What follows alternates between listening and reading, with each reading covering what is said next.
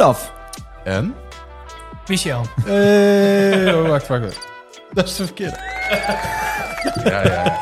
Hij is al leeg.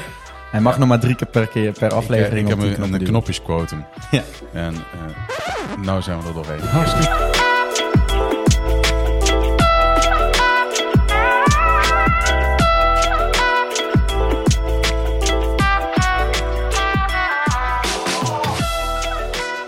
Goed, hey Koen, eh, lijkt mij eh, eerst dat je even vertelt hoe jouw week is geweest. Ja, super vet. Ik heb ook best wel wat leuke reacties gehad op die podcast die ik vorige week heb gedeeld Holy LinkedIn. shit, ik heb nog nooit zoveel DM's naar aanleiding van een podcast gehad. Het was ook echt een hele leuke Dit is overigens geen marketingtrucje. Dat Nee. zou het kunnen zijn, maar dat is het zeker niet. Ehm, en eh, ik heb een paar mensen gehad die zeiden ook meteen... ik heb me aangemeld bij Elroy. Kijk, dan is het gewenste effect bereikt. Maar ik heb wel meteen een vraag over dat promoten. Merk je ook dat jouw LinkedIn-berichten van de afgelopen week echt zijn ingeperkt wat betreft bereik, of niet? Hey, ehm, ik heb, ben zo stom geweest om weer een keer een linkje in een post te plaatsen. Hey, ik had 17 weergaan. Is Ja, ziek, hè? Echt som, ik, ik Eh, dacht- misschien was het gewoon een slechte post. Ehm, Kan ook. Dat kan. Nee, ik heb hem niet gelezen, maar ik was niet een van die 17. Eh, ChatGPT, nee, nee, nee. Ehm, dus ik heb eh, die post eh, had ik gemaakt en dat was echt een goede website die ik al online had gegooid. was trouwens niet deze, maar een andere, want die had, laatst had je geliked. Mhm. Eh, linkje erin naar de website. Ja. Ehm, Want ik, ik was zo trots. Ik denk, oh, pap, link erin, 17 weergaven, 1 like. Ja, dat gaat goed hè? Zijn moeder. Ja, mijn moeder en mijn moeder zegt, goed gedaan jongen. Nou, dan kan je ook weer een keer eten komen brengen hier. Not. Maar ehm, nee, mijn week was goed. Eh, is goed. Ik heb eh, best wel mooie dingen kunnen doen al. En ik heb... eh, zaterdag ga ik naar Bruxelles. En dat is voor de allereerste keer. Ik ben nog nooit in die stad geweest. Ik heb een paar Google-afbeeldingen gezien en het zag er best wel leuk uit. Ja. Misschien heb je tips, Olaf? Ja, probeer eens een andere stad. nee, weet je wat, Brussel is best wel leuk. eh, weet je, het ziet er mooi uit en je komt er naartoe en je kunt overal mossels eten. Net zoals dat je in Amsterdam overal stroopwafels kunt eten. Ja. En ja, super touristy, maar leuk. eh, Daar ben je een keer geweest. Brussel. Ja, precies. Brussel. En het is niet heel veel rijden. Je moet altijd aan Jammers denken. Ken je die nog, Jammers? Of is dat, eh, ken jij Jammers nog? Hoe oud ben jij? Eh, ik ben 33. Eh, Janders ken ik echt puur alleen van compilatievideo's en Ja. een soort van dit moet Ik je weet ooit echt niet waar dit over gaat. Vandaag is Jean-Baptiste. Hij is een bouncer in Brussel. En daar gaat hij naar de verschillende dansings, alwaar de Mariekes op hem staan te wachten. Ken je die niet? Nee, die ken ik zeker. Oké, straks YouTube. eh, Nou goed, stop. hoe was jouw week? Ehm, super, we zitten nou een weekje hier in dit kantoor. Eh, we hebben sinds deze week een ringdeurbel die nog niet werkt. Hey. Top, want we hebben nog geen internet. Dus we zitten op allerlei wifi hotspotjes hier in de buurt. Oh, wat chill. En dat werkt top. Zeker als jij dure werknemers hebt en die niet op internet kunnen. Is top als webdesigner. Dus eh, de prijzen zijn omhoog gegaan van de website. nee, ik heb al een paar keer gezegd. Luister jongen, pak, ga een pakje koffie, pak je op de Kleine Berg. Ga in een café zitten. Ik bedoel, eh, koffie en een paar broodjes is eh, voor mij goedkoper dan als ze hier niet kunnen werken, toch? Nee, dus, maar het, is, het gaat hartstikke goed. Eh, leuk weekend gehad, weer lekker gegeten. En eh, we zijn weer begonnen. En we gaan een heleboel opleveren deze week en volgende week. Dus eh, stay tuned. Helemaal goed. Dan ga ik onze gast super introduceren. Doe maar. We hebben Michel naast in ons midden. Oh, en dan gaat hij over zijn quote heen. Sorry. ja. Ja, ik heb hier opgeschreven Michel marketeer en eigenaar van een... Nou ja, ik heb hier een vrij grote agency, maar ik denk dat midden, meer middensegment qua ja, want ik denk dat het is ster- sterker nog, ik vraag me af, misschien tellen we het nog als kleine. Oké, nou goed. Ik Ja. vond het dak bij mezelf nou lekker aan de weg getimmerd. Maar, en Koen, wat zie jij als groot? Nou, ik dacht aan 20 werknemers dat het toch wel eh, een beetje...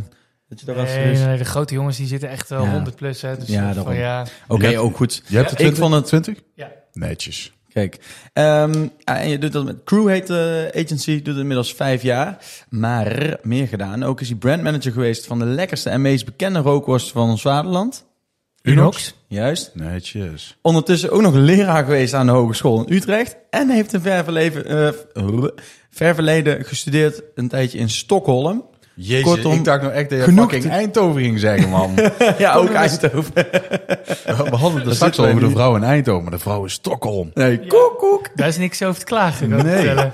Doen zij inmiddels ook niet? Nee. Meer? ik moet zeggen dat ik eh, al aan de vrouw was toen ik daar naartoe ging. Dus Ah, eh, ik heb Oh, gewoon wat een gemiste kansen. Ja, daar zal je vrouw anders over denken, maar, Nee, ik maar was naar eh, Stockholm echt vrij snel naartoe gegaan. ja, dat was de introductie. Ja, dankjewel. Dankjewel dat ik erbij mag zijn. Ja, geen Eh, ja, ik mis nog heel veel van die in. Nee, nee, nee. Nee, nee, nee. Genoeg om erover te praten. Ja, natuurlijk. nou we hebben 3,5 uur, dus het komt goed. Eh, hartstikke leuk. Hey crew, hoe ben je bij die naam gekomen?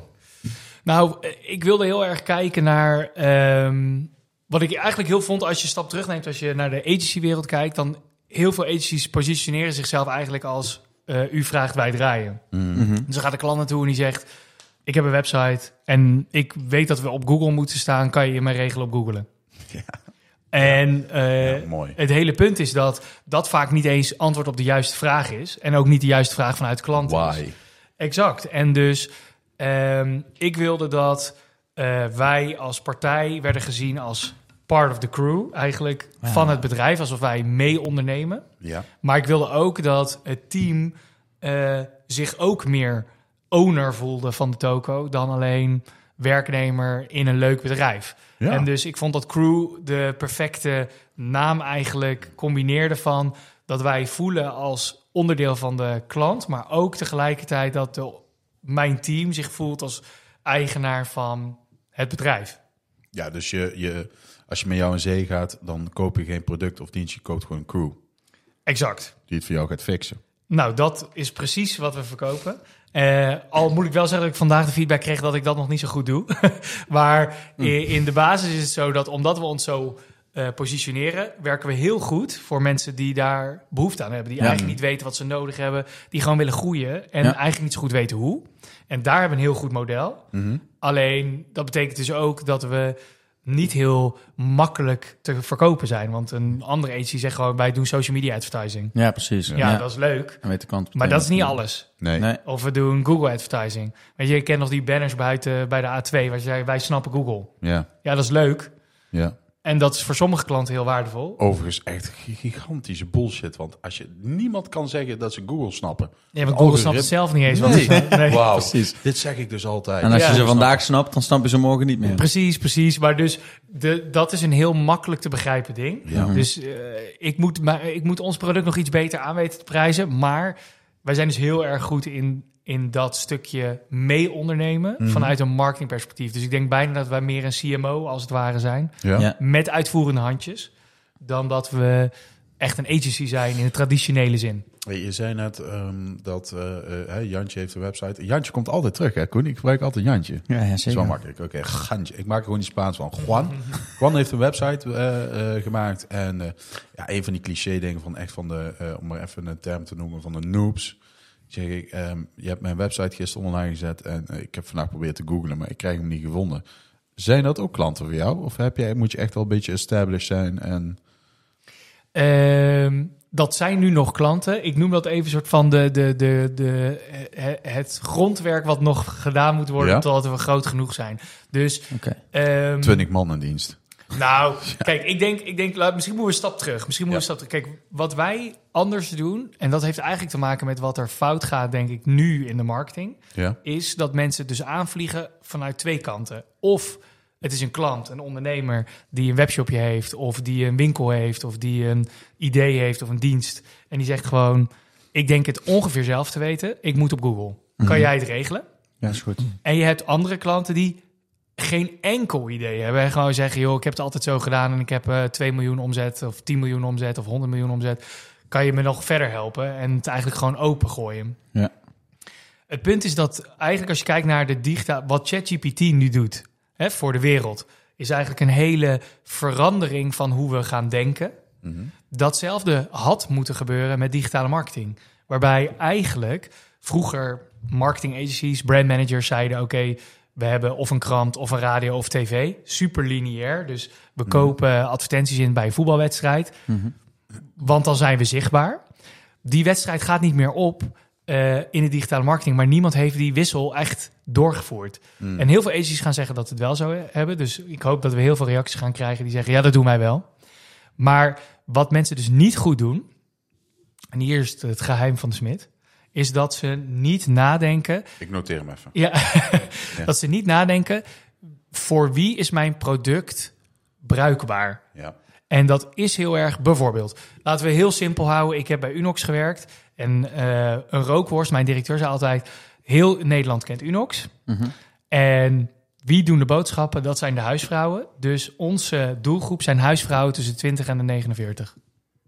En ik ga jullie nu vertellen, geen één vrouw van die 20 tot en met 49 is hetzelfde. Als Nee. je nou een vrouw laat zien van 21 en een vrouw van 49, Zijn die hetzelfde? Nee. Hebben die dezelfde behoeftes? Hebben die dezelfde afwegingen voor een avondeten? Absoluut niet. Dus misschien is de ene wel getrouwd, heeft die twee kinderen, wil die vooral gemak. Misschien is die andere brak na een avond stappen, die wil gewoon snel iets eten. Ja. Eh, misschien is de ene vega, de andere eet geen varkensvlees. Dus die hebben allemaal andere behoeftes. En dus met één boodschap kom je er niet meer. Nee.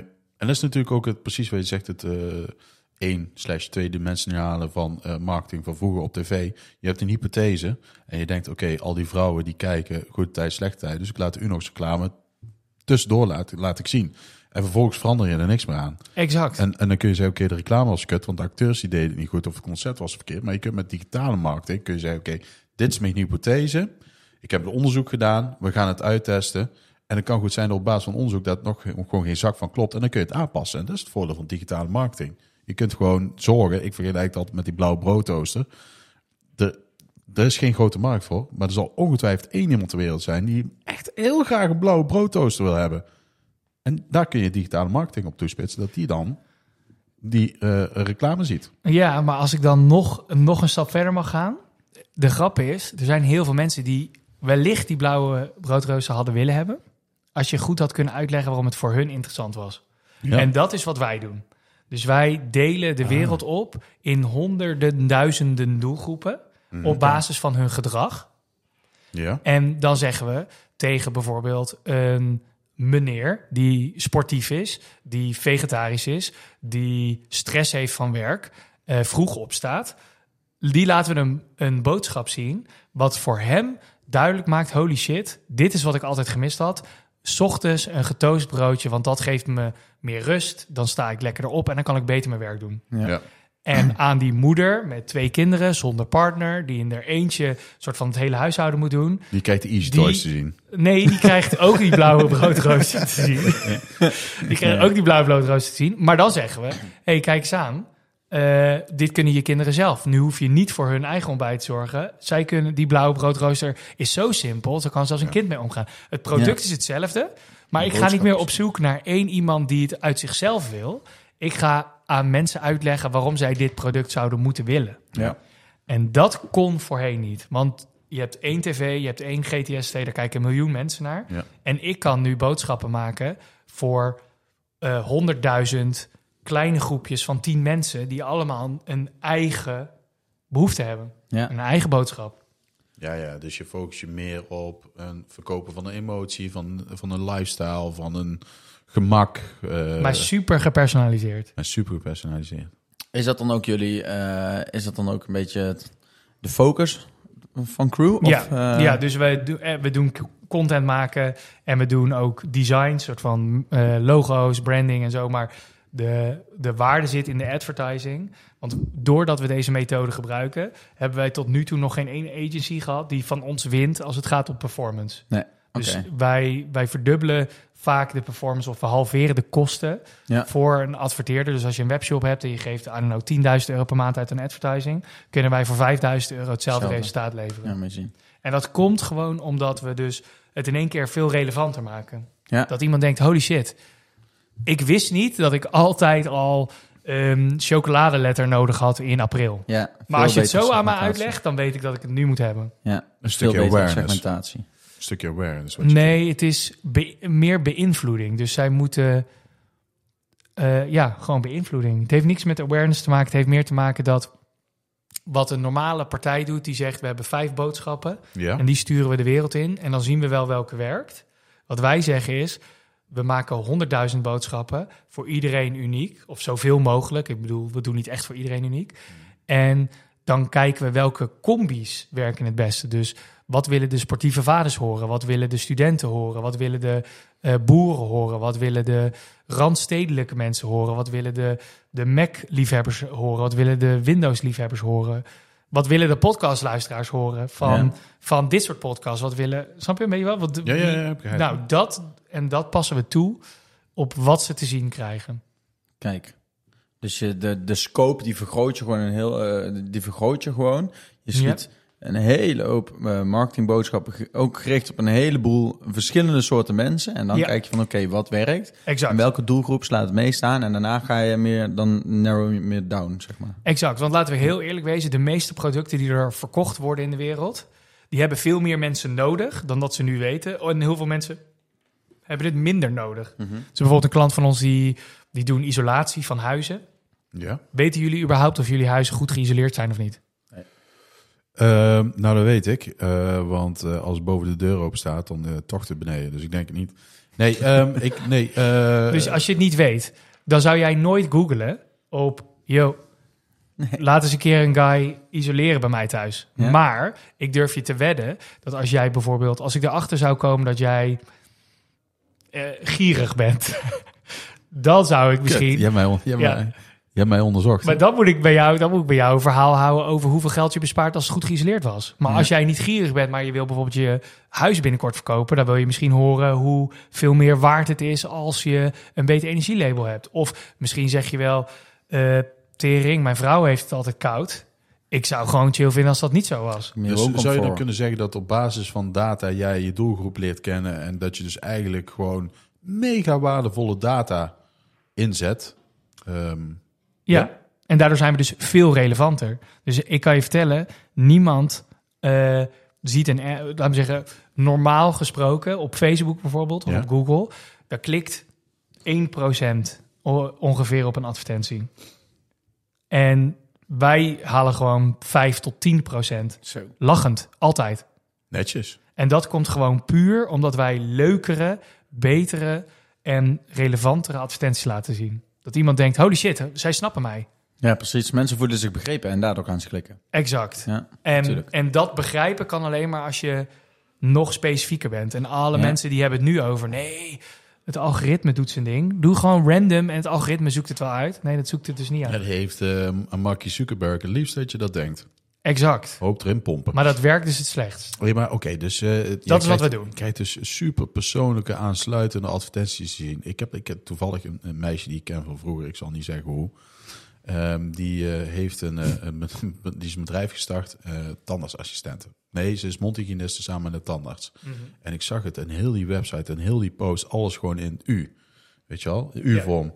Eh, en en eh, dat, dat is ook zoiets. Je, maar je creëert zo'n afstand. Hè? Dat is nog zo'n Ja, maar ja, aan de andere gemaakte kant, fout. zij zich richt op senioren, Ja, nee, maar dat, is dus de grap. Want de, wat je dus zou moeten doen, is eigenlijk wat de politiek ook zou moeten doen, is je moet het ene verhaal bij de boeren vertellen en het andere verhaal bij de stedelingen en een ander verhaal bij de, vegeta- bij de Ja. vegans.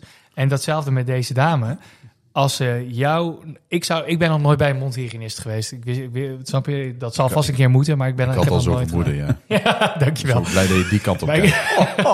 ik, maar ik heb dat dus nog nooit gedaan. En Ja. ik denk van, omdat niemand het me ook heeft uitgelegd waarom ik dat zou Waarom moeten doen. zo? Ik ga het ook niet lopen googlen, want boeit mij het. Maar als iemand mij zou kunnen laten weten waarom het zo waardevol is, of waarom het goed is, of waarom wat dan ook, dan ga ik wel. En als je mij dan aanspreekt met u, zou voor mij niet werken, maar misschien voor jou wel, voor mijn moeder of voor. Ja. je- dat zou allemaal kunnen, maar je moet het dus aanpassen aan degene die luistert, niet aan jouw bedrijf. Kijk, en als iemand dan bijvoorbeeld googelt hoge tandartskosten voorkomen en dat blijkt dan dat het met de mondhygiëniste kan, boom!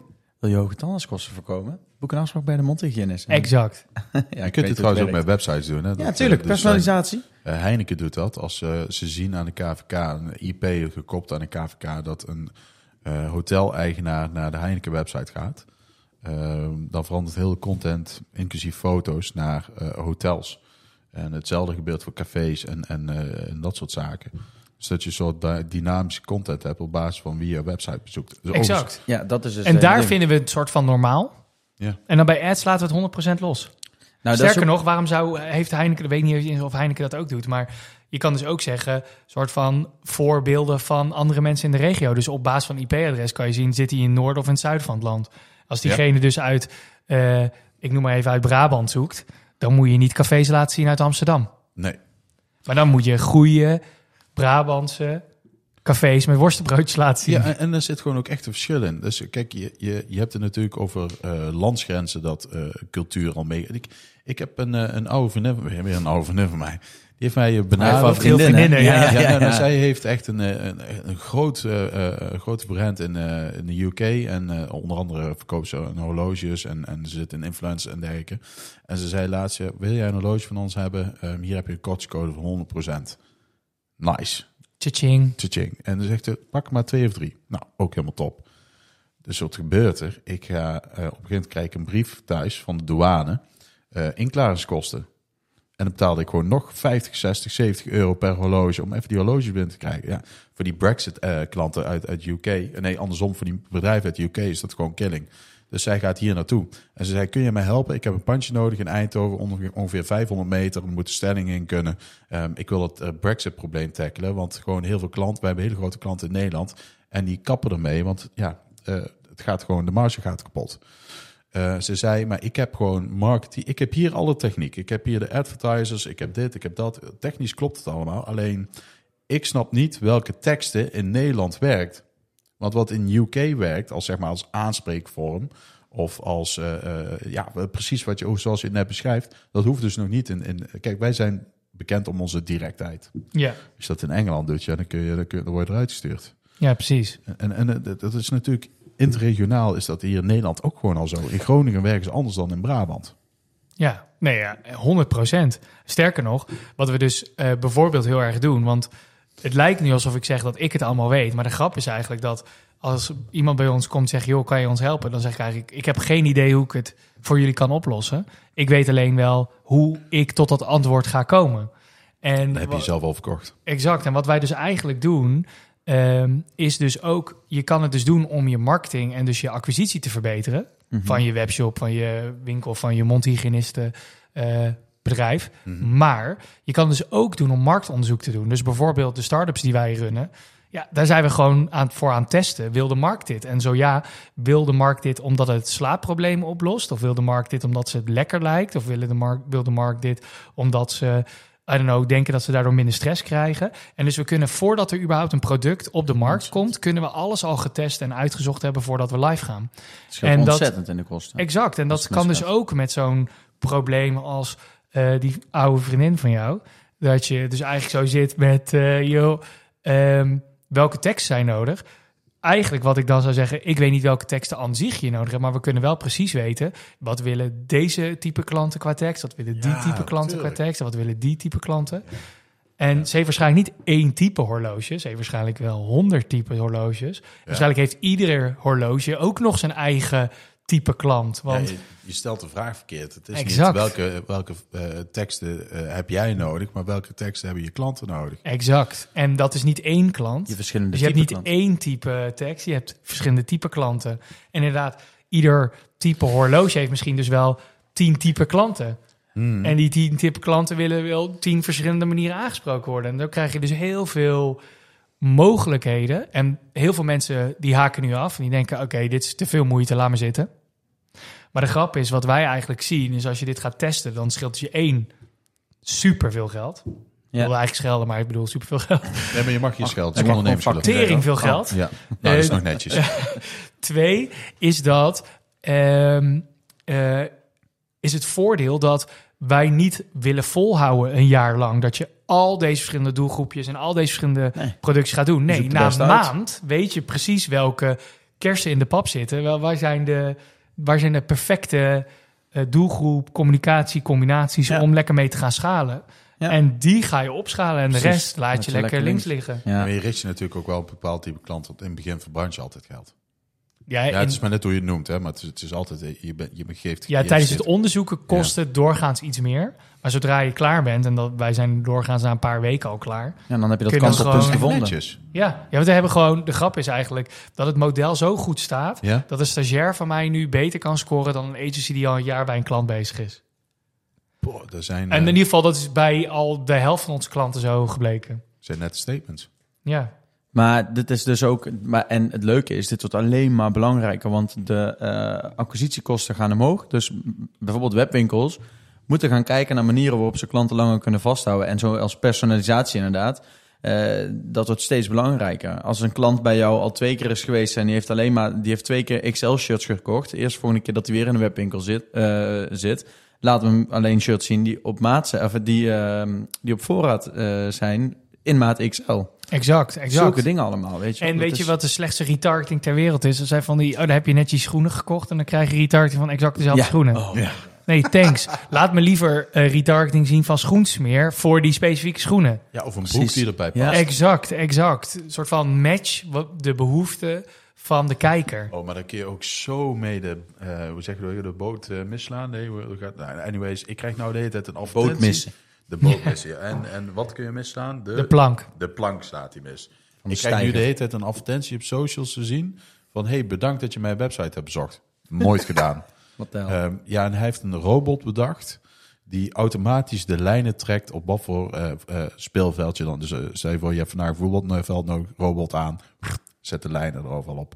Ik heb fucking nooit die website bezocht. Dan heeft hij een filmpje van zichzelf gemaakt. Hij zit zo achteruit gezakt in een stoel en dan met een zwaar, ja, ik heb ook een accent, maar met echt met een tukkers accent zit hij zeg maar zijn- Oh, alleen nodig. ja, zit hij zijn verhaal te vertellen, maar ook gewoon geen lach op zijn gezicht. Heer, bedankt dat je mijn website hebt gezocht. En dan denk ik, ik heb die website nooit gezocht. En als ik dat al vind, dan vinden nog 20.000 andere mensen dat. Maar Fucking zonde van je budget. weet ja, je wat het 100%. is? Weet je wat het is? Dit is? Dit riekt naar iemand die zelf geen verstand heeft van eh, advertisement. En een paar van die snelle jongens die ooit een keer cold, eh, cold outbound eh, in zijn inbox zijn terechtgekomen. En dat hij zegt, oh ja, doe maar. Ja, Dus precies. even een filmpje, gaan wij je het, adverteren. het verloop in die agency is echt zo niet normaal groot. Ja, Mensen die gewoon zeggen, oh, je hebt een contract voor een half jaar of voor een jaar. Eh, tik even 20k, 30k af. En, eh, en na een half jaar zegt, denkt diegene, jezus, ik word de partij genaaid. En dan haakt hij af. Maar ja, dan eh, is het maakt niet meer uit, want dan heeft die agency wel weer een nieuwe klant. Ik, eh, ik had er ook weer eentje. Ehm, gegarandeerd op, op pagina, pagina 1 van Google.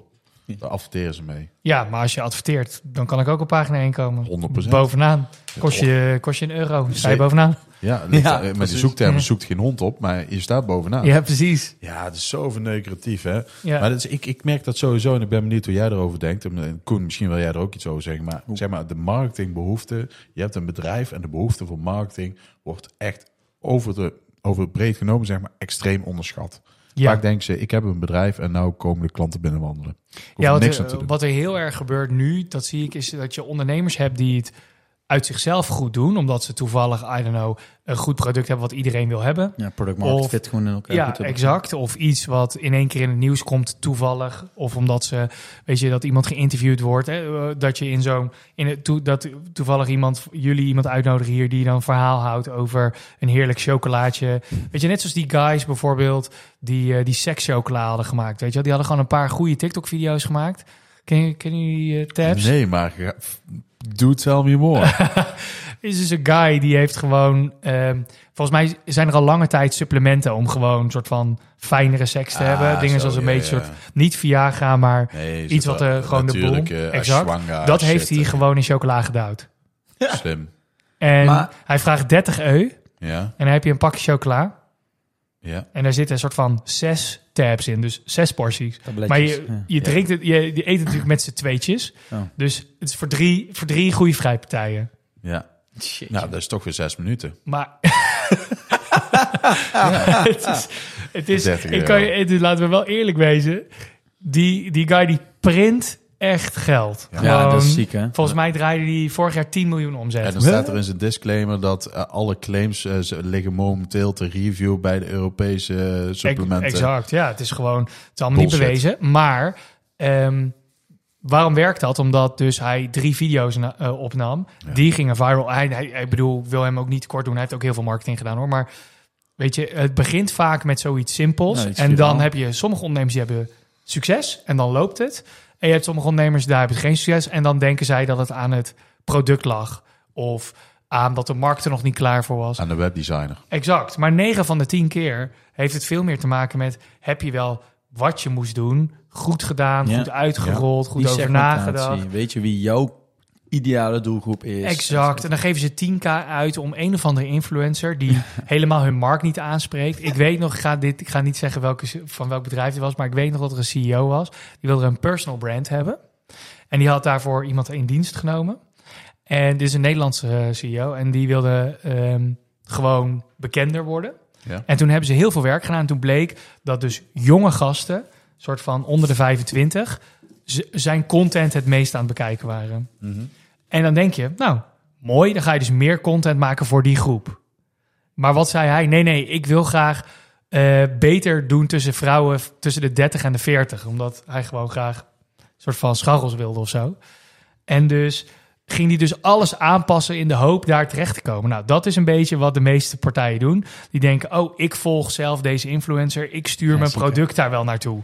Of ik, eh, ik wil dat eh, iedereen in eh, Amsterdam dit horloge draagt. Dus ik ga daar wel op de markt staan. Of ik ga daar eh, ja, een speciale manier verzinnen om zichtbaar te worden. Maar dat Ja. is uiteindelijk funest als, als je niet je juiste markt aanspreekt. Wat je dan doet, is dat jij gaat bepalen welke, ehm, welke markt je aanspreekt. Maar eigenlijk moet je het andersom laten doen. Je, de- je moet de markt laten vertellen wie er geïnteresseerd Wie is in jouw product. Ja. Ja. Zo'n hip term dit, maar het is gewoon omdenken.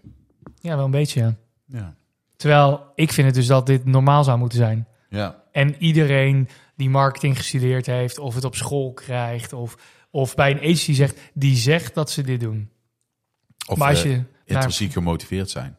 ja, fair enough. Maar iedereen die zegt dat ze dit doen, en dan pak je hun voorstellen erbij of hun plannen. En dan durf ik je te wedden dat, dat het niet gebeurt.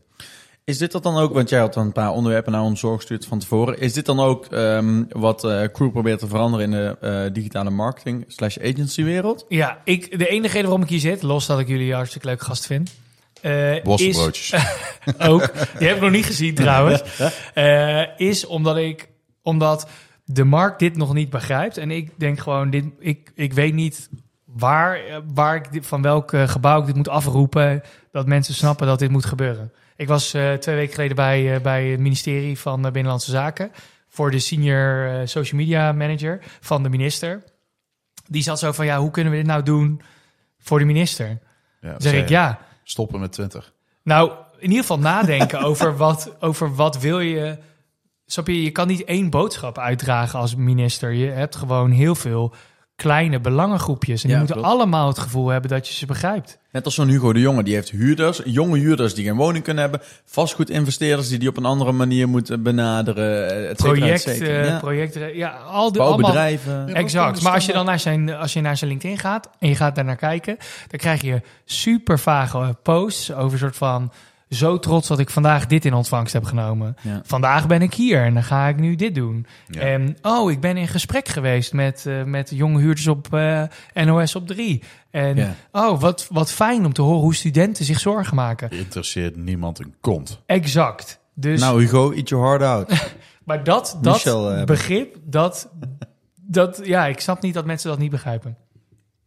Nee. Dus daar, dat, dat is inderdaad wat ik probeer te doen met crew. Ja, ja, maar, dan- ja, maar ik denk dat je daar een... eh, maar en dan vraag ik me ook af, je, je, wil dat meer kenbaar maken, terwijl je ook zou kunnen denken van, nou weet je, ik hou mijn, eh, ik hou mijn eh, succesvolle recept mooi voor mezelf en ik zorg dat crew ermee verder mee groeit.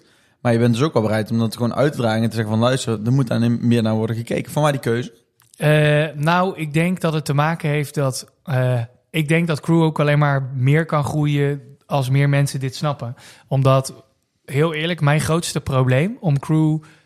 De reden waarom crew nog niet heel groot is, even los van dat ik niet misschien de allerbeste agency persoon ben. Ik ben Mhm. veel meer, eh, denk ik, een strategische type ondernemer. Ja. Dan dat ik eh, heel goed ben in het bouwen van een agency. Eh, daar zit toch een bepaalde servicebehoefteheid en een bepaalde operationele kant in die, waar ik niet per per se het sterkst in ben. Maar wat ik eh, wat ook lastig is, is dat ik bijvoorbeeld met iemand zit, zeg een brandmanager, leg ik uit, die zit naar mij te luisteren en denkt, holy shit, dit vind ik, dit moet ik vandaag hebben. Mhm. En dan lopen we serieus positief uit zo'n eh, sessie. Maar dan moet diegene het aan zijn baas uitleggen. Eh, een week daarna. Ja, en dan, En dan weet hij niet meer wat ik heb uitgelegd. Want, dat Nee. want het zit niet in, in de standaard way of thinking. En dan kan ik natuurlijk zeggen, ja, dan moet, je, dan moet ik het maar beter leren uitleggen. Dat zal zeker een deel, een deel van het concept zijn. Maar het probleem is dat als mensen het niet snappen, dan denken ze alleen, joh, dat betekent gewoon een agency die heel veel content wil gaan maken. Die gaat ons honderden duizenden euro's vragen voor meer foto's, meer video's, et cetera, et cetera. Ja. Maar eigenlijk eh, hebben wij uitgerekend dat als je 10.000 euro per maand uitgeeft aan ads, dan zijn wij gratis. Ten Ja, precies, opzichte van als je een andere agency hebt. Het, het maakt ook niet uit wat het kost, wat levert het op? Exact. Als ik een miljoen uitgeef, levert mij 3 miljoen op. Dan ben ik altijd beter uit dan iemand eh, wie ik een miljoen uitgeef en het levert anderhalf miljoen op. Exact. En dat is een beetje wat er dus nu gebeurt. Dat we dus bijvoorbeeld, we hebben best wel een grote pitch met Unilever lopen. Ik weet gewoon dat wij qua wat we kunnen bieden enorm groot verschil gaan maken. Want ik weet wat hun performance nu is en ik weet wat wij kunnen. Mhm. Helpt jouw eh, eh, verleden bij Unox om daar binnen te komen? Mm, nou, ik weet dus wie ik moet hebben. En ik weet ook hoe zij denken. Maar ik ben dus al een half jaar bezig om Ja. tot een uiteindelijke beslissing te komen. En dan heb je natuurlijk een soort van situaties van... ja, maar we hebben al deze mensen en Hmm. we, hebben hier, we moeten nog met die overleggen. Dus ik, ben, ik, ik hoop binnen een jaar tot een pilot te kunnen komen... om te laten zien dat ik niet full of shit ben... en dat ik ook daadwerkelijk het verschil kan maken daar. Maar dat vergt ook investering en misschien ook wel een beetje hoofdpijn van jou of jullie kant. Ja, maar als het dan lukt, want ik weet dat als ze die pilot doen... Ja, dan, Dan kunnen ze niet meer terug. Dat geloof Nee. ik echt. Want dan, dan zien ze echt... Want ik geloof dat we daar meer dan 50% kostenverlaging kunnen realiseren. En dan met de budgetten die zij uitgeven... Ja, Dan hebben we het over... Nou ja, hebben we het echt over eight figures. Ja. Eh, weet Per je wat, jaar. Weet je wat ik mooi vind als ik jou zo zie praten? Nou, Ik zie zo, ja, de, de kijkers thuis die zien het niet, want er zit zo'n mooie eh, microfoon, op jou, eh, voor jouw mooi gestelde rode baard. Maar jij vertelt het met, met een, een, een, een zelfverzekerde schmurk op je gezicht. Ik geloof het acuut wat je vertelt. ja, maar dit, weet, de grap is... In het begin vond ik dat heel moeilijk. Maar ik ben iemand die als de... En de- daarom maak ik me dus een minder goede agency owner. Ja. Omdat ik denk dat ik kan het dus heel goed verkopen, omdat ik weet dat het werkt, omdat Ja. ik daar heel veel tijd aan besteed heb. Dus inhoudelijk weet ik gewoon dat wat ik zeg Klopt. klopt. En dan kan ik het met alle, ja, hoe zeg je dat, zelfverzekerdheid Ja. en zo zeggen. Want het gaat niet over mij of over wat ik kan of over wat mijn team kan, maar het gaat gewoon over, we hebben iets wat bewezen is, Mhm. wat ik gewoon, ik, ja, ik kan gewoon, ja, hoe zeg je dat? Maar, maar zelfs zeg de marketing manager, de uite- uiteindelijke shotcaller bij ehm, Unilever. ehm, en je, en je, je, je schotelt daar de stats voor zijn neus. Zelfs dan duurt het nog een jaar. Want Ja, want dan moet hij met die, ja, ja, dan moet gewoon heel erg overleggen. Dan moet je eerst zes, zeven daar gaat iemand anders we- over. En ja, voor welk merk gaan we deze pilot dan runnen? En mag het wel van dat merk? En waar zitten zij dan mee? En Ja. zelfs de magische woorden, wij, eh, jullie budget gaat door de helft. ja, maar het is, het is niet hun eigen geld. Nee, Ah, they don't give a shit. Ja, Als ze een salaris maar Ja, aan het ja, eind van de ja, maand. ja. ja. En hun bonus is ook niet eh, betrokken met soort van... Nee, Ik zou zeggen, volgens mij had hij gewoon tegen zijn baas moeten zeggen... joh, ik heb een guy die zegt dat hij budget eh, kan halveren. Stel nou dat het hem dat lukt, krijg ik dan... eh, mag Ja. ik dan eh, hij kan, het, een ton eh, bonus hij, kan het, hij kan het budget halveren. Maar als we nou hetzelfde budget aanhouden, dan gaan we dus verdubbelen. en hij Ja, kent precies. iemand met ga dit Die kan je gewoon bestellen. Die kan je gewoon bestellen. Zes stuks is ook echt heel slim. Hè? Niet dat je zeg maar gewoon een doos vol hebt met zes stuks. Dus je hebt na zes... Ja, heb maar het is, heel luxe, het is ook een heel luxe verpakking. Het is een heel luxe verpakking. Ja. ja, het is bijna een beleving om te pakken. Hè?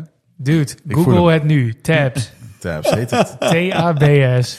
Maar ehm, daarover gesproken, jij gaf net zelf aan dat je misschien niet de persoon bent eh, aan de ehm, eh, kant van operations om een agency te runnen ehm, of te, te, te laten groeien. Mhm. Wat zijn nou volgens jou de leuke en lastige klant, eh, kanten ehm, geweest van het laten groeien van een crew? Of van een agency in het algemeen? Nou, ik denk, ik denk wat ik leuk vind is vooral... ehm, wat ik echt, kijk, wat ik leuk vind is iedere keer die puzzel opnieuw leggen. Dus omdat ik naar een klant ga en ook zeg ik weet het niet...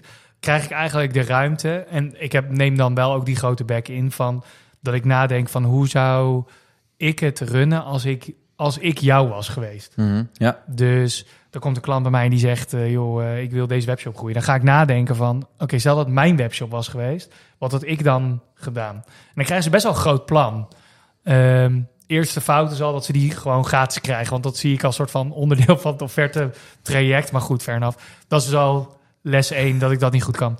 Ehm, Hoe lang, hoeveel, even de vraag dus zo, hoe lang ben je dan bezig met zo'n zo, zoiets? ehm, nou, bij sommige klanten is het vrij snel duidelijk wat ze beter kunnen doen. Ja. Ehm, bij sommige klanten duurt het wat langer. Ik denk ergens tussen de ja, tien uur of zo. Zo, moet je Ja. zien.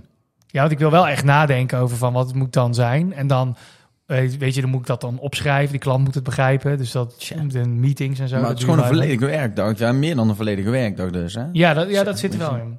En, dan, en wat, er dan, wat er dan gebeurt, dan heb je een mooi voorstel. En dan zeg ik, dit zou ik doen. En 99 van de 100 keer zegt de klant, fucking goed idee. Oh, Maar ik heb geen budget voor deze 30%.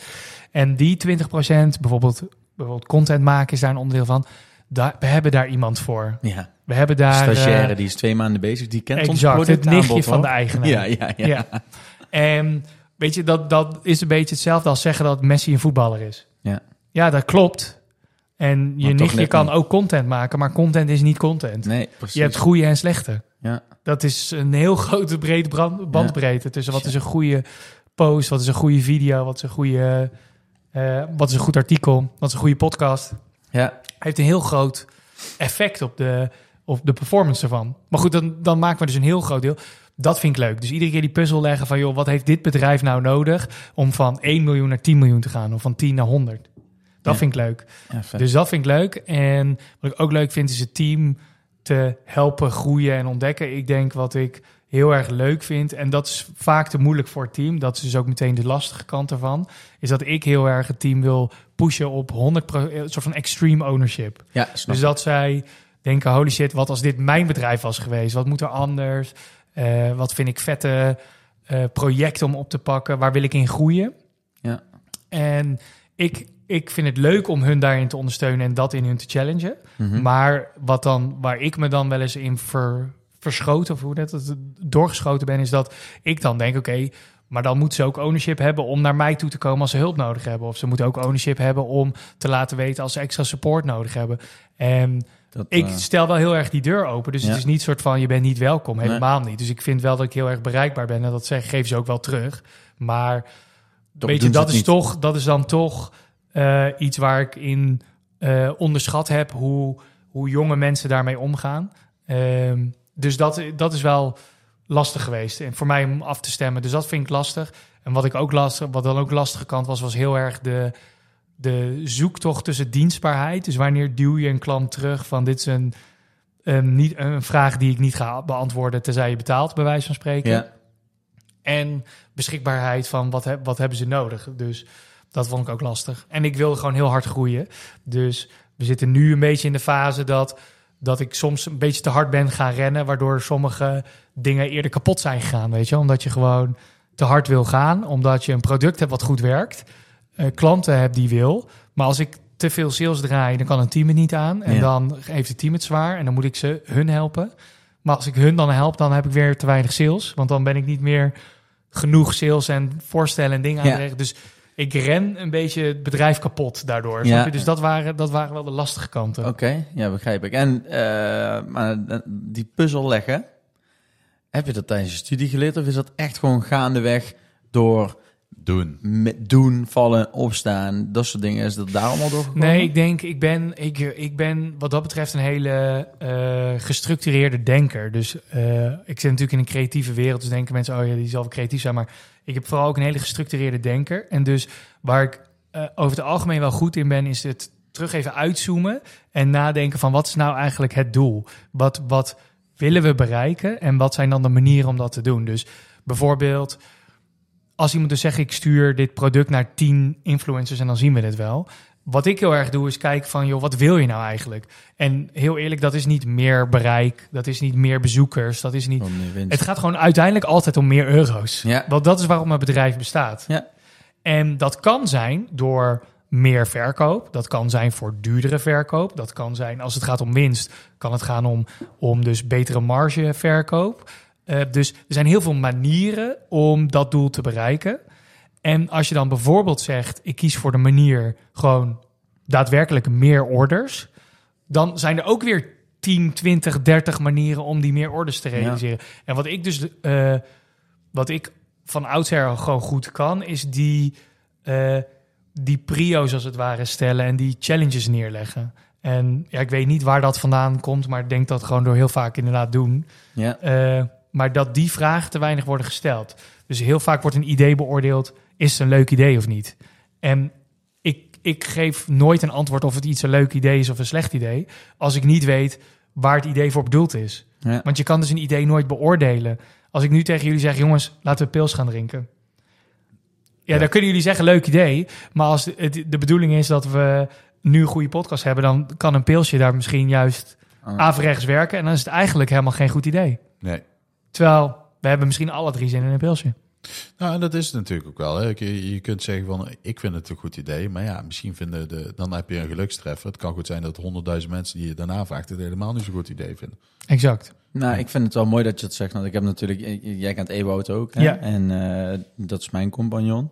Ehm, daar heb ik dat ook wel. Ik, ik moet daar, ik ben nog echt lerende daarin. En hij is daar ook heel erg goed in. Hij heeft gewoon heel vaak dat je zegt: Oh, Koen, wacht even. Je bent nou daarmee bezig. Maar als we nou even uitzoomen, draagt dat wel bij aan het hoger gelegen doel. Weet je wel? Ja, En dan precies. denk je: Oh shit, ja, gewoon twee uur en niet zitten werken. Wat eigenlijk. Nou, op het is moment relevant, voelde als een goed, ja, ja, op het moment voelde het dat als een goede prio en een goed idee Juist. en dat het nodig is. Ja. Maar ik denk ook dat is helemaal niet erg, maar dat gebeurt denk ik heel veel. Ja. Eh, dat gebeurt met alle werkzaamheden. Sterker nog, wat ik dus heel leuk vind, eh, is dat moet je voor ik, ik ben een heel slecht persoon om cadeaus voor te geven, omdat heel, ik heb niet zo heel veel nodig. Nee. Maar dus moet je eens voorstellen als je dus bijvoorbeeld nadenkt van... oh, ik wil iets leuks doen voor mijn, voor mijn chick... of ik wil iets leuks doen voor mijn, voor mijn ouders... of voor mijn Mhm. broertje of wat dan ook. Wat heel veel mensen dan gaan doen... is nadenken over wat ze zelf graag willen doen. ja, Bijvoorbeeld, eh, wat, wat mijn broertje leuk vindt is met mij naar de film. Nou, dan kan ik zeggen... eh, eh, kom, we gaan naar de film. Maar als ik doe wat ik leuk vind... en dat is misschien iets heel anders... dan is dat voor hem een veel minder leuke Ja. dag. Begrijp je Ja. wat ik bedoel?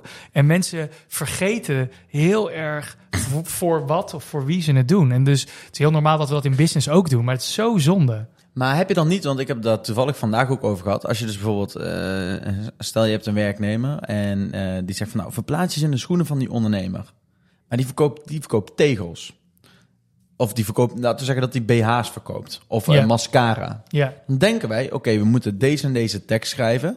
Prik niet in je ogen met die mascara of weet ik veel hoe dat heet. ja precies. Maar alle meiden, die zijn Die- die op hun twaalfde begonnen met dingen. Toen hebben ze een keer in hun ogen geprikt en dat doen ze niet meer. Dus als je dat aan meiden vertelt van 18 tot 25, dan denken ze, ja, wat is dit voor achterlijk iets? Ja, precies. Heb je daar niet soms moeite mee dat je dus, je, je wil je wel verplaatsen in, eh, in die klant.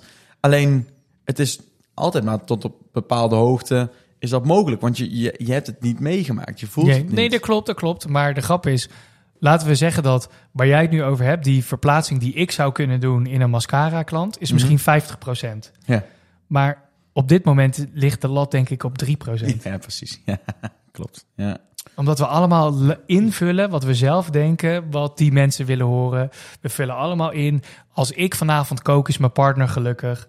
We vullen allemaal in eh, eh, wat, wat de mensen op deze podcast Dan willen maak je horen. uiteindelijk wat je zelf lekker vindt. Exact. Ja. En dan zeg je, kijk eens wat lekker ik gekookt heb. Ik heb een lekkere steak gekookt. En dan denkt zij, dude, waarom heb je niet gewoon een salade gemaakt? ja, ik had sowieso maakt- salade. Ja, precies. En dan denk jij, ik heb mijn best gedaan. Wat doe jij ondankbaar? Terwijl eigenlijk heeft die chick hartstikke gelijk om ondankbaar te zijn. Want jij doet alsof je iets voor haar hebt gedaan. Maar je doet het voor jezelf. Maar je hebt het voor jezelf gedaan. Dus eigenlijk zijn wij mensen, dus ook al denken we dat ze voor een ander goed doen, zijn we eigenlijk nog steeds zo egoïstisch als het best. Exact. En dat, en dat is eigenlijk de les die alle ondernemers van Nederland zouden moeten leren. Tja. Is dat de meesten die dus de marketing niet op orde hebben, komt omdat ze nadenken over wat hun bedrijf graag zou willen doen. Is omdat ze zelf een skybox bij de Formule 1 willen, staan ze op de Formule 1 auto. Dat is omdat ze zelf eh, een soort van, eh, weet ik veel, Monica Geuze willen ontmoeten. Dat ze hun sponsoren. Ja. Weet je, het is... Het, maar dit is met allemaal redenen. Chocolaatjes.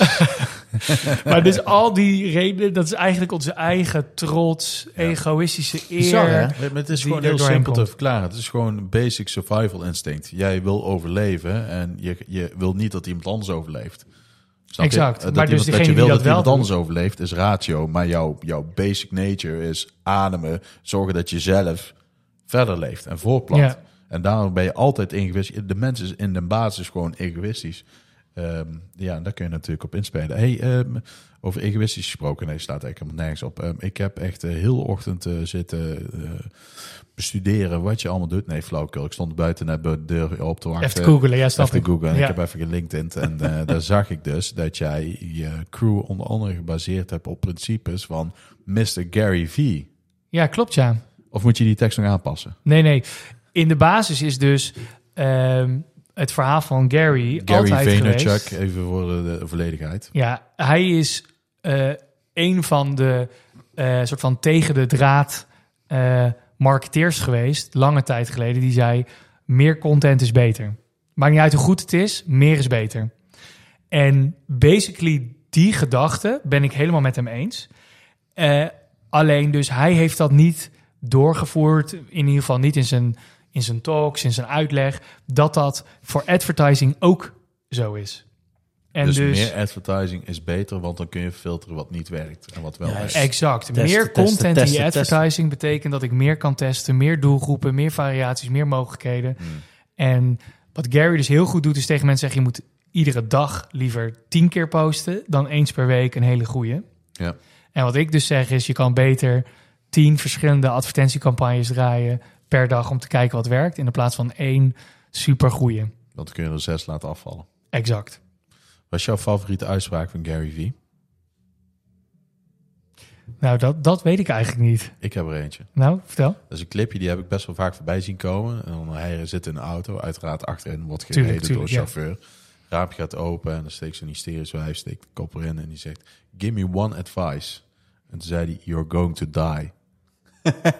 En Ja, dus er wat van. Ja, en dus Ja. zij, staat, zij is even helemaal zeg maar, in shock. En dan zegt ze, no, seriously, you're going to die. En toen zei zij, ze had een epiphany, het kwam ineens binnen, do something about it. Je Ja, interessant. Dus ga niet gewoon fucking lang zitten wachten en zitten plannen en zitten organiseren.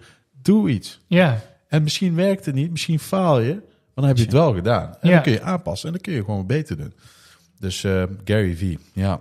Ja, het- ik, vind, eh, ik vind, wat ik zelf gewoon heel mooi vind, is dat hij aan het eind van de dag wel gewoon zegt, joh, je moet, eh, je moet doen wat je, wat je gelukkig maakt. ja. En ehm, hij zegt dus heel erg van dat, en dat vind ik dus wel het mooie is, van dat er sowieso groepen mensen zijn die wachten op jouw content. Die, die zijn er. Maakt Ja. niet uit waar je het over Ze doet. weten het zelf alleen nog niet. En ik hou van zijn extreme ownership, dat hij gewoon ook zegt...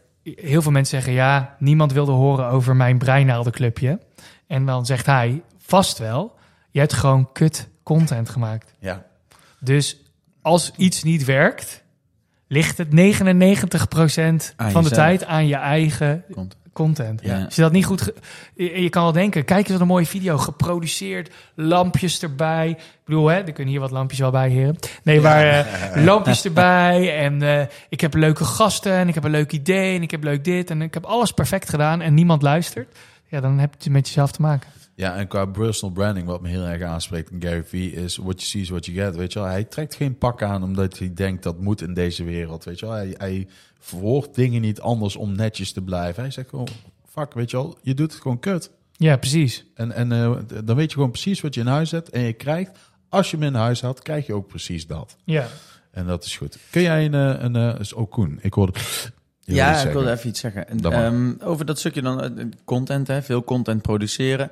Ehm, hoe pak je dat bij Crew aan? Heb je ook dat je, ehm, dat je werknemers daarin ondersteunt van... hey, eh, blijf pushen ook op LinkedIn en dergelijke ook... omdat natuurlijk jouw naam daardoor ook weer verder verspreid wordt? Of? Ja, dus eh, eh, bij de loodgieter lekt het, zeg ik. Oké. En dus bij deze loodgieter eh, staat het huis blank. Oké. Eh, nee, wij, wij, eh, wij zijn daar niet goed in. Oké. Eh, en dat heeft te maken met eh, dat ik heel erg van de inhoud ben. Dus ik, ik heb een grote smurk van zelfvertrouwen als ik eh, hier het over heb, over de inhoud. Mhm. Op het moment dat ik moet gaan lullen over hoe goed ik ben, dan heb ik het moeilijk. En dat zie je ook terug bij crew. Dus je moet een beetje. Ik zit dus heel erg op die hoek van niet over persoonlijke shit praten, omdat dan komt in één keer, wordt in één keer heel dichtbij en dan lijkt het alsof ik beoordeeld word. En als we het over inhoudelijke dingen hebben, dat is in, dan, dan kan ik ieder verhaal houden. Zet mij op een podium en dan kan ik los. Mhm. Maar dat maakt het best wel moeilijk om content te maken voor crew. Omdat ik er dus kijk met, naar een bril naar kijk van... is het inhoudelijk goede content? Maar als je dan kijkt naar wat ik weet... hoe het werkt, namelijk met, met de, de consument. Het gaat over die persoonlijkheid. Maar ik vind dat heel moeilijk omdat er genoeg in te doen. Dat het of genoeg is of te weinig, dat vind ik persoonlijk lastig. En dat maakt het moeilijk in combinatie met dat we gewoon heel veel klanten hebben. En dat dus het team dus ook heel snel voorrang geeft aan een klant die loopt te schreeuwen en te zeuren Ja. en ik moet nu iets hebben. En niet dan voorrang geeft aan zichzelf. We hebben nu wel een paar hele goede TikTok-jongens, eh stagiaires in dienst. Dus een eh, jongen en een meisje die best wel veel TikToks maken. Laat ze ook eentje knijten viral gaan. Dus eh, dat loopt best wel prima. Ehm, maar als bedrijf hebben we nog een onvoldoende goede strategie. Oké. Dit is de podcast waar een uur het allersnelste is voorbij gegaan.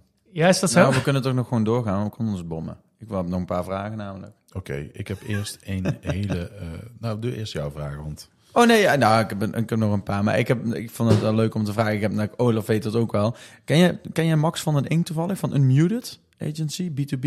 Eh, nee, ken ik niet. Oh ja, ik vind dat... Zij hebben dat echt gewoon zo goed in de smiezen. Ja.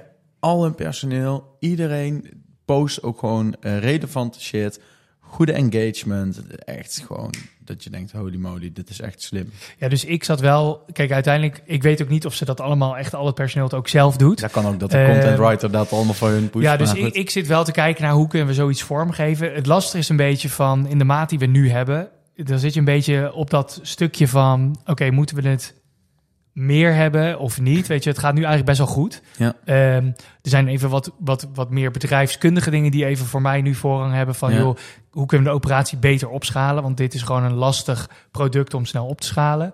Ehm, dat zijn denk ik de dingen waar nu mijn focus op liggen. Als dat goed staat, dan kan ik veel makkelijker ook los met meer content maken. Snap omdat ik. dan, wat ik bijvoorbeeld nu merk, is als ik een artikel schrijf en eh, plaats, dan, gaat, dan komen er best wel veel DM's binnen van, joh, kan je dit doen? Dus het is ook Echt, een beetje ja? zoeken, ja. Het is ook echt een beetje zoeken van, ja, hoeveel artikelen ga ik schrijven? Want als ik dan te veel leads krijg, dan dan, kan ik ook weer dat- niet aan. Dus het is een beetje Of je balanceren. prijs gaat omhoog. Ehm, ja, maar de- ik ben wel bezig met een guy die me nu gaat helpen mijn personal brand te doen. Want ik heb gewoon iemand nodig die naast mij zegt, die gewoon zegt, oké, nu wordt het te inhoudelijk. Bek houden, we gaan weer wat meer naar het persoonlijke toe. Ja. en andersom.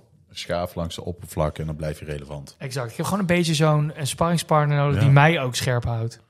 Want ik weet het hoe het is, maar het doen voor jezelf vind ik echt heel moeilijk. kun je dan niet hetzelfde... Ja, precies. Je kunt niet hetzelfde trucje toepassen. Dat je zegt van, oké, maar de, de markt bepaalt dus wat interessant is voor mij. Dus ik ga gewoon testen. Ja, maar dus alles wat ik dus maak wat voelt dat niet inhoudelijk genoeg is, Ja. voelt als slecht. Dus als, ik, als je TikTok opent en je gaat naar marketing mensen zoeken op TikTok, Ja. dan zie je zoveel crap. Nou, En ja. dus alles wat voor mij voelt is niet inhoudelijk. Ja. Voelt alsof ik dus zo'n crappy klojo ben. Ja, er zijn vaak die crappy klojo's die nou, daar schieten zo de subtitles in je gezicht. Zo van, wil jij nu, nu nog betere marketing doen? De Ja. tijd om te beginnen is nu. En eh, koop mijn cursus. Oh ja. Dus ik, ben, ik maak me zorgen dat ik dan zo iemand word. En van die reputatie kom je nooit af. Eh, ik weet niet of jullie Boyd Hoek kennen. Ja, Ja. ooit boek. Maar dus Boyd Hoek, die komt nooit meer van dat beeld af Nee. dat hij zo is. En misschien over vijf jaar hoor, maar nu voorlopig niet. Net en dat hoeft, als, hij, als, hij, als hij millies te besteden heeft, dan wie ben ik dan om daar iets van te vinden? ja. Maar- Via Bridgefund heeft hij millies. Nee, eh, maar snap je, ik denk wel, ja, joh. Verschrikkelijk, joh. Ik heb, zo proef, ik heb hem toevallig een paar dagen geleden eh, op Instagram opgezocht. Alleen al die profielfoto zit hij met een blouse open in een stoel. Hij is LA-based, Dubai-based. Flikken op. Hoe noemen ze dan in, in, in, Dubai, of in LA? Boyd Corner? Maar ik denk dus, deze Boyd, Boyd. Corner, ja, dan denk ik, wat, wat, wat eh, ik wil niet zo'n guy zijn. Nee, oké, Nee. maar ik denk dat jij... Kijk, weet je wat? Ik, ik denk dat die, die gast, die verkoopt 80% gebakken lucht en 20% misschien maar een hij is beetje ook- Maar hij verdient wel waarschijnlijk meer euro's dan dat ik dat doe. Nou, betwijfel ik ten eerste. Hij, Nee, heeft, ja, hij is laatst helemaal onderuit gehaald. Hè, door, Ja, door, Koen, tijdje- eh, die heeft ook... een tijdje, die, ja, die heeft hem helemaal uitgezocht. Zo. En, eh, hij had gewoon een eenmanszaakje ergens en that's it. En had gewoon nul op zijn cv staan. En dan, Valt allemaal best eh, wel mee, dat, valt voor jou natuurlijk niet te zeggen. Ik bedoel, eh, je, Nee, je, fair enough. eh, je hebt alleen al Unox worsten. Ja, dat klopt, Je ja. weet wat zo'n worsten zeggen? Alles heeft een end en een worstel twee. Ja, precies. Jij had nog een vraag, Olaf. Ja, ehm, kun jij nou eigenlijk al ChatGPT een vraag? Zijn we ook gewoon heel eerlijk in, maar ik vind Ja. wel, ik, dat is grappig. Zit Ehm, gewoon ondertussen hier. precies. Nee, Zal ik anders gewoon, kunnen jullie weg? Dan lees ik gewoon de vragen op van ChatGPT. Nou, Ja. dat, dat vind ik dus leuk, want dat is dus e- één iets wat mij is opgevallen. Ik heb gevraagd, heb je 25 vragen op basis van de onderwerpen die jij hebt gestuurd? En die heeft hij gemaakt. En op één na, op een paar uitzonderingen, hebben we het allemaal, is zeg maar organisch, zijn min of meer alle vragen al voorbij gekomen zonder dat wij dat lijstje hebben gebruikt. Dus eh, die kunstmatige intelligentie is dus al zo dat hij best wel organisch aanvoelt wat de goede vragen zou moeten zijn in een podcast. Ja, niet normaal, dat, hè? dat gezegd hebbende zit er eentje bij en die wil ik eigenlijk wel heel graag eh, eh, aan jou stellen. Uh, van, kun jij nou eens echt een, een succesverhaal delen? Dus bedrijf X gewoon binnen en toen. En, of iets heel opvallends wat er is gebeurd. Ehm, ja, dus we hebben, ehm, ik heb, ik heb een aantal variaties eigenlijk. Eh, dus we hebben bijvoorbeeld een partij gehad die verkocht eh, spellen.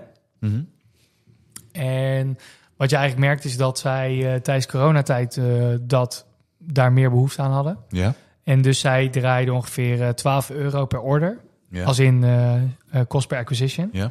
En wat we merkten is toen we dus wat testen gingen draaien met andere doelgroepen, ehm, kwamen erachter dat de combinatie van grootouders uit de Randstad, die dus een verhaal moesten horen over dat hun kinderen meer beweging nodig hadden en dus een spel voor binnen met meer beweging tijdens corona, zorgde dat de CPA van 12 naar 2 euro ging. Dat is sick. Alleen die, dus het product hetzelfde, landingspagina hetzelfde, Ja? webshop hetzelfde, prijs hetzelfde, alles hetzelfde. Puur de wissel van de doelgroep met dat, met dat verhaal. Zorgde voor 12 naar 2 euro Maar- cost per acquisition. Is het dan zo dat je dan gewoon op alle doelgroepen hebt gemikt en het bleek toevallig dat deze dus zwaar goed hitten? Nou, wat wij dus hebben gedaan is, zij hadden een stuk of drie doelgroepen. Ja? Toen hebben we met het team gezeten, toen gingen wij nadenken. Voor, dus het is een spel voor kinderen. Daar kunnen we niet omheen. Nee. Maar wie zouden het allemaal voor die kinderen kunnen kopen? Ja. Tantes en ooms, Mm. ouders, broers, oudere broers en zussen. eh, voor een verjaardag. Wat zijn Ja. nog andere redenen om het te kopen? Vanwege eh, dat ze er niet bij kunnen zijn. Vanwege, nou, en eigenlijk die hele lijst met potentiële redenen om het cadeau te geven. Een hele lijst met potentiële mensen die het cadeau zouden kunnen geven. Dat hebben we helemaal uitgewerkt en alles geprobeerd. En dit was gewoon de beste. Ja, Oké. Oké. En, Ja. die, en dit, is, dit, dit is nog maar een klein. We hebben een soort van een andere. Dat was een wereldwijd multinational. Ik ga niet zeggen welke multinational. Maar dat was een multinational. En die zei: joh, we hebben negen merken. En we willen die voor e-commerce uitrollen over Europa. We hebben vier landen die prio krijgen. Dit zijn de vier landen. Kunnen jullie voor ons uitzoeken welk, waar we op zouden moeten focussen? En toen hebben wij gewoon een test gerund. Door te kijken welke producten kregen de meeste engagement Mhm. op welke manier moesten die dan aangeprezen worden? En welke doelgroepen gingen daar dan het best op? En toen konden wij precies zeggen: van deze negen merken zijn die twee het populairst in alle vier de landen. Ja? En, En, dan moet je in deze doelgroepen focussen. En dan moet je ze vooral vertellen over dit van je product. Vet. En normaal betalen ze zo'n marktonderzoeksbureau misschien wel drie ton om zo'n onderzoek te doen. En wij deden het voor 40k. Ja. En ik marktonderzoek heeft dan interviewmensen die dan zeggen dat dat het is. Wij hebben echt gedrag. Tja. Dus dit zijn een paar. En zo heb ik nog heel veel voorbeelden. Eh, eh, nog een laatste, dan hou ik helemaal. op. Er was een, eh, is, is een eh, start-up die eh, wordt gezien als een toekomstige unicorn. Dus die draaien echt al heel veel omzet. Superleuk uit de UK. Zij doen al vijf jaar Facebook ads. Die co-founder is echt een soort van top Facebook ads kenner. Mhm. En zij konden niet onder de 35 euro per acquisition komen. Ja. En toen heb ik hem uitgelegd wat we deden. Toen hebben we samen één dag ons kwaad gemaakt. En toen dropte hij van 34 of 35 euro naar 17 in een week. En hij is al, hij is al vijf jaar Facebook-expert. Dus dit is echt een guy die Hij weet wat hij doet. echt weet wat hij doet. En hetzelfde, ja, zo heb ik echt nog honderden voorbeelden. Misschien moet ik die vriendin maar eens even contact met jou laten opnemen. Als ze hier komt. Wat die horlogedame. Ja, dat is maar één gedeelte van wat ze doet. Ze doet echt, ze heeft een hele hoop brands. Ehm, laatste vraag. Ehm, wie moet jou bellen? Kort en bondig. Hoe bedoel je, wie moet mij bellen? Wie, gaan, wie moet jou bellen? Wie is jouw ideale klant? Oeh, mijn ideale klant. Ik, ik zeg dat zijn ambitieuze ondernemers. Mhm. Die dus, zeg even 10k per maand omzetten. Maar dat is toch, dan moeten ze zeker een omzet van een paar miljoen hebben. Mhm. Die gewoon zeggen, joh, ik ben klaar om nog drie, harder, drie keer zo hard te gaan. Eh, druk maar op de knop en gewoon zegt, doe het maar. Let's go. Hey Koen, ik vond het een fucking interessante podcast. Ja, ik ook. Dit is echt top. nou, top, leuk top. om te horen. Ja, super nice. Ehm, ik, eh, ik wil je echt super hard bedanken. Koen, misschien wil jij ook nog even bedanken. Ja, dankjewel. nee, super interessant. En eh, Ik, eh, ik, was, ik wist wel wat jullie, want eh, ik heb natuurlijk met Ewout ook samengewerkt aan Nooni. En daar heb ik ook wat Ja, dingen van jullie eh, voorbij zien komen en dergelijke. En ik heb wel ooit een keer op je website gekeken, maar ik wist niet dat, inderdaad, eh, dat dit er allemaal achter zat. Dus echt super tof, ja. Ja, Ja, nee, leuk dat ik er mocht zijn, eh, heren. Ja, bedankt. Kun je ook bedankt. Jij ook, Olaf. Koen! Olaf!